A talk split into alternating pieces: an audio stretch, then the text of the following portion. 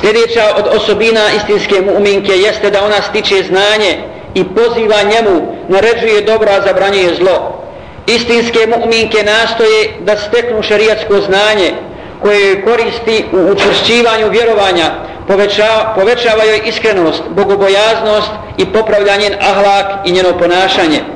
Šarijatsko znanje je poznato da od žene čini primjer prave majke, kćerke, supruge i sestre, Ona u tome slijedi primjera Aisha radijallahu ta'ala anha, vrsnog islamskog pravnika i alima. Ona je bila u prenošenju hadisa jedinstven primjer među ženama i spada među šest ashaba koji su bili najpoznatiji u prenošenju hadisa. Zato kaže imam Zuhri, kada bi se mjerilo znanje Aisha sa znanjem svih ostalih žena, prevagnuo bi znanje Aisha radijallahu ta'ala anha i ostale poslanikove žene su učestvovale u prenošenju islamskog znanja i ne samo sahabijke, već i tabijinke i tabi tabijinke i mnoge druge mu'minke. Mi ćemo navesti primjer kćerke Sejda ibn Musejjeba. Znamo za tog tabijina koji je bio veliki alim i pobožnjak, držao je predavanja svojim učenicima, imao je dakle mnogo svojih učenika.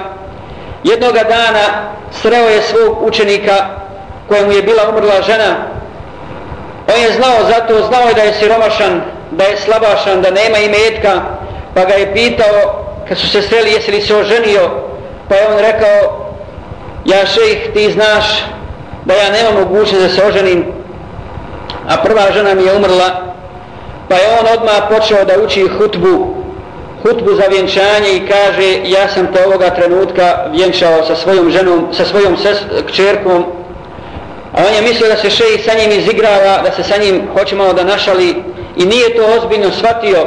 A prije toga je halifa nudio Sejda ibn Musejeba da uda svoju čerku za njegovog sina, dakle za halifinog sina, a on je odgovorio tako mi Allaha ne bi je dao za tvog sina kad bi mi dao brdo zlata.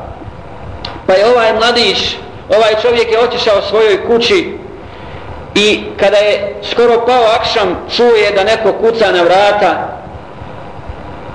i otvori, izišao je da vidi ko je i pitao je ko je, ko kuca, pa je rekao čovjek Sejid. I kaže, tako mi Allaha, u tom trenutku su mi svi Sejidi koje sam znao prošli kroz glavu, a on mi nije na um pao. Jer znao sam da njegov život je bio stalno mesčid, mesčid i njegova kuća. Dakle, predavanje i kuća nije nikud dalje išao. Kad sam otvorio vrata, vidio sam svog šejha i njegovu čerku, pa je rekao, dao ti tvoj hak, ja nisam mogao dozvoliti da prespavaš noć, a da ne budeš, ne budeš sa onim, sa svojom ženom, sa svojim hakom kojeg sam ja vjenčao za tebe. Nakon toga on je bio mjesec dana sa svojom ženom, posle toga se postirio, postirio se i rekao je, ide na predavanja, vrijeme mi je, vakat mi je da ide na predavanja. Međutim, ona mu je rekla, sjedi, sjedi, ja ću te naučiti onome što zna Said ja ću te naučiti znanju koji posjeduje moj otac. Dakle, dakle, nije morao ići da posjećuje predavanje, nego je učio od svoje žene. Pa je jednog dana Sejid ibn Musejeb došao da ih posjeti, da ih zijareti i pitao je svoje čerke jesi li čerko završila tefsir Allahove knjige? Jesi li završila tefsir Allahove knjige? Pa je odgovorila o oče, jesam osim jednog ajeta. Ne znam šta znači samo jedan ajet pa je rekao i upitao a koji je to ajet? Odgovorila je ajet u kojem Allah Đalešanu kaže Rabbena atina fid dunija hasanatan wa fil ahirati hasanatan wa kina azaban nar. Pa kaže ja znam u ovoj dovi kad vjernik moli gospodaru moj podari nam dobro dunjaluka i dobro, dobro ahireta. Ja znam da je dobro ahireta džennet a ne znam oče šta je dobro dunjaluka koje je to dunjalučko dobro za koje vjernik moli Allaha, pa je rekao njen otac, o čerko, dobro dunjaluka je čestita žena.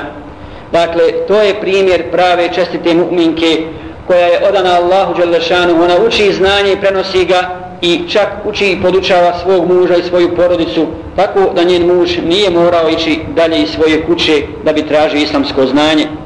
Žena, pored toga što je potrebna da uči potrebno je da prenosi znanje, potrebno je da bude daija. Mi znamo za slučaj osvajanja Mekije kada je Rasul sallallahu alaihi wa sallam ušao u Meku pobjedonosno sa svojom vojskom jedna od žena Ummu Hakim bintu Al-Haris bintu Hisham žena Ikrimi ibn Abi Jahla je došla poslaniku sallallahu alaihi ve sellem a znamo da je Ikrimi ibn Abi Džehl bio jedan od onih ljudi za koje je Resul sallallahu alaihi ve sellem rekao ubijte ih makar bili obješeni o, ogrtač Kabi pa je došla poslaniku sallallahu i rekla ja Rasulallah a bila je primjera Islam obećaj mi i obećaj sigurnost mome mužu Ikrimetu, jer on je otišao i sigurno će se upropastiti i uništiti. Nemoj ga ubiti ako bi ja otišla po njega da ga vratim i da ga tražim pa je rekao Rasul sallallahu alaihi ve sellem obećavam sigurnost za ikrimeta. I otišla je i tražila ga i našla ga je na obalama Tihame dakle pobjegao je prema Jemenu. Dozivala ga je i rekla mu je o ikrime dolazim ti od čovjeka koji najviše drži do robinske veze od najvećeg dobročinitelja i najboljeg čovjeka. Nemoj sebe upropaštavati.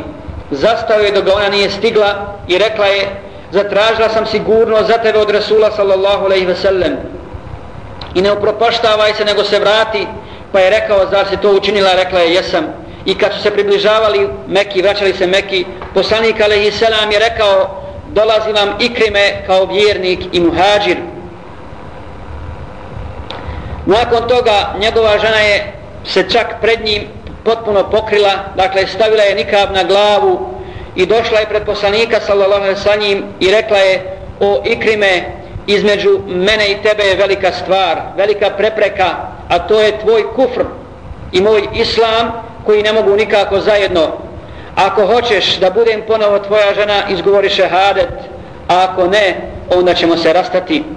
Pa je Ikrime izgovorio šehadet i prihvatio i prihvatio islam.